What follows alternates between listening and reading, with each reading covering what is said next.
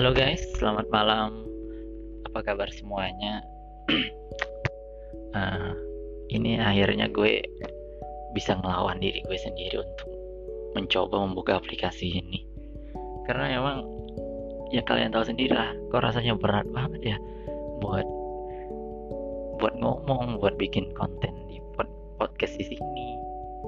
Ya mungkin karena kesibukan yang lain juga gitu loh, karena malas juga ya banyak banget lah dan akhirnya ini gue coba maksain diri ngelawan hati untuk buka aplikasi ini. Uh, ini adalah postingan postingan ya apa namanya ini podcast pertama gue yang akan ngebahas mungkin siapa itu gue dari mana asalnya gue. Kemarin pada post pada podcast pertama gue gue udah ngomong kalau channel ini bakal ngomongin hal-hal aneh ya. Hal-hal horor misteri unik gitulah. Pokoknya hal-hal yang enak untuk diomongin. Nah jadi mungkin di pertama ini kita belum masuk ke intinya. Kita coba perkenalan dulu biar lebih akrab. Karena di sini podcastnya beda loh dengan kayak di YouTube. Soalnya ini cuman dari mulut sama kuping gitu kan ya gue ngomong kalian dengar gitu. Nggak kenal mukanya gimana nggak ngelihat orangnya gimana. Jadi seperti kata patah tak kenal maka tak sayang kan.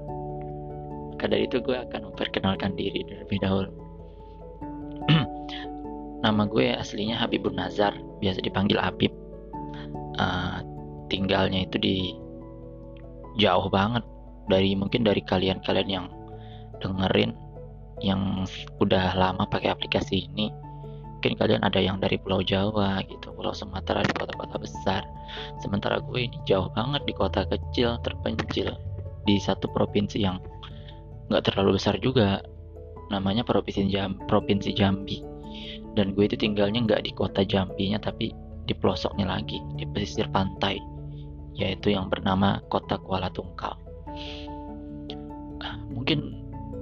dari kalian semua baru pertama kali dengar kota Kuala Tungkal gitu. Yang biasa mungkin dengar Kuala Lumpur gitu kan ya. Ini jauh nggak ada hubungannya sama Kuala Lumpur. Tapi ada persamaannya gitu. Kalau Kuala eh bukan persamaan sih apa ya? Kalau Kuala Lumpur kan indah gitu. Dia namanya doang jelek Kuala Lumpur. Tapi nggak ada lumpur di sana kayaknya. Eh Kuala Tungkal namanya keren tapi banyak lumpurnya Iya, soalnya pesisir pantai kami itu bukan pasir tapi lumpur gitu loh. Jadi pantai itu gak gak kayak pantai-pantai di Bali, gak ada bule gitu, gak ada. Yang ada cuman apa? Ada ikan.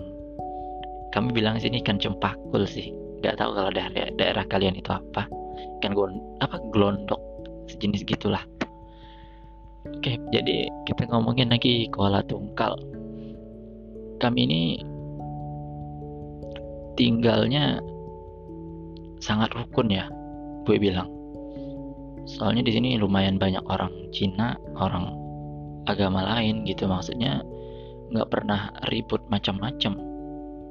Gue pernah berpikir bahwa Kuala Tungkal ini adalah kota yang paling aman sedunia gitu. Sebab ya apa sih keributan di sini. Orang ribut apaan sih? Masalah perusahaan apa kayak sengketa tanah ya biasalah nggak pernah sampai bunuh bunuh pun ada sih tapi nggak jarang gitu loh. Maksudnya aman banget gitu. Aman dari bencana ya nggak juga sih.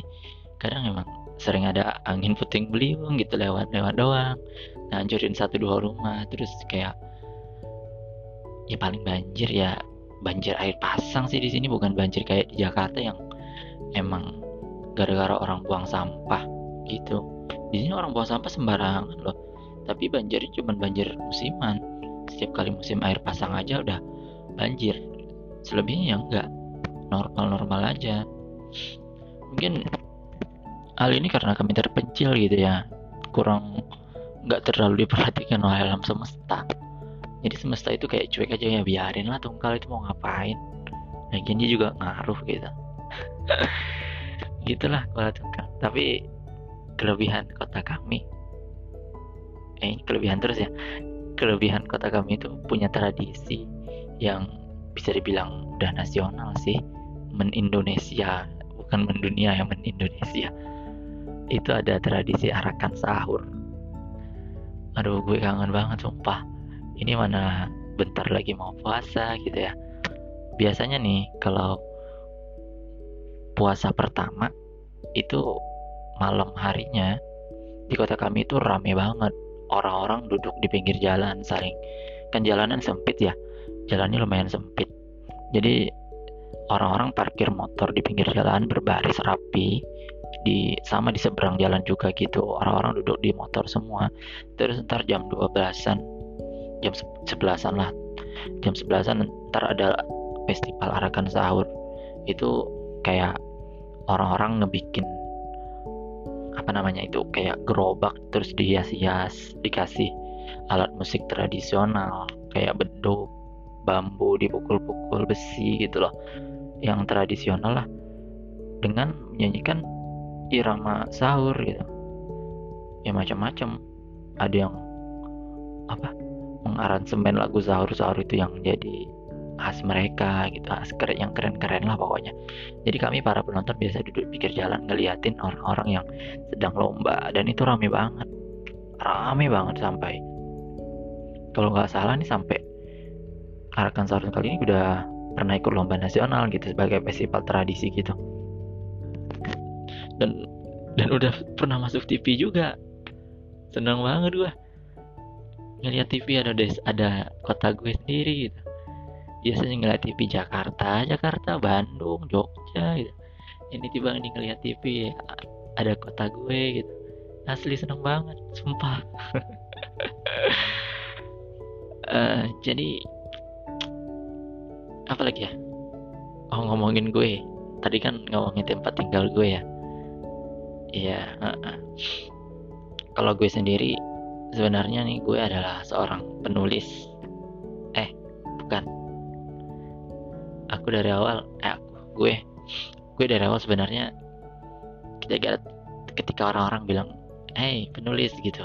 Ya gue biasa ngerasa eh bukan bukan gitu. Kayak eh nggak pantas eh bukan nggak pantas ya pantas sih. Soalnya udah nerbitin dua buku aja tapi ngerasa aku lebih cocok kalau aku dibilang pencerita. Soalnya aku suka ngomong nih. Aku kan suka cerita-cerita sampai-sampai novel aku yang udah terbit udah ada dua dua judul maksudnya.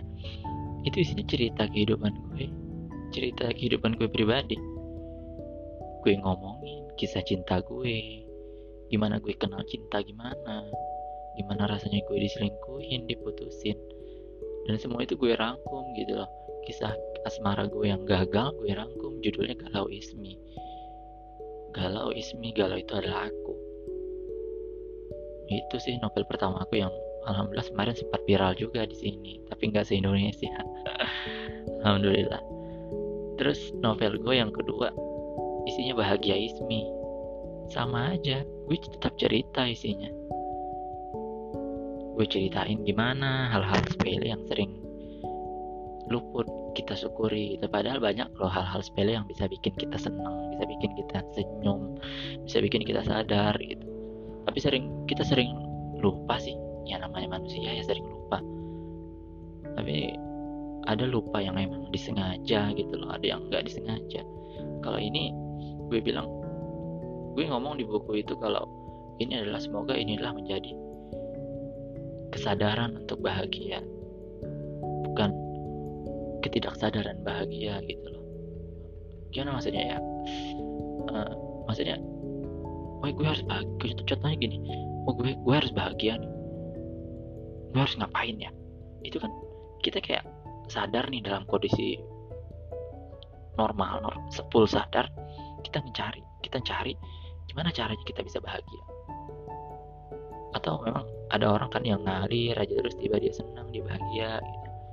tiba dia sedih-sedih gitu kan. Itu ngalir aja gitu. Itu kan kayak nggak melakukan secara sadar sementara di buku-buku ini gue ngajak kita semua untuk lebih sadar. Oke gue nggak mau ngomongin lebih jauh tentang buku gue ya karena ini bukan bukan podcast yang khusus ngebahas tapi ntar gue pengen nge ngebahas tentang novel gue itu. Uh, terus siapa lagi gue? Tempat gue udah gue nya juga udah.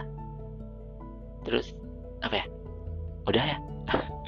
Besok-besok gue mau paksain diri lagi untuk ngomong kali aja ada hal-hal yang penting hal-hal unik. Sebenarnya banyak sih udah gue udah ada konsepnya udah gue stokin. Apa-apa aja yang pengen gue ceritain. Uh, adalah pokoknya. Pokoknya kalian mesti ikutin terus channel gue ini channel podcast gue ini dan jangan ketinggalan ntar kita kolaps kalau udah ramai ya. Oke sekian dulu selamat malam semuanya. Assalamualaikum warahmatullahi wabarakatuh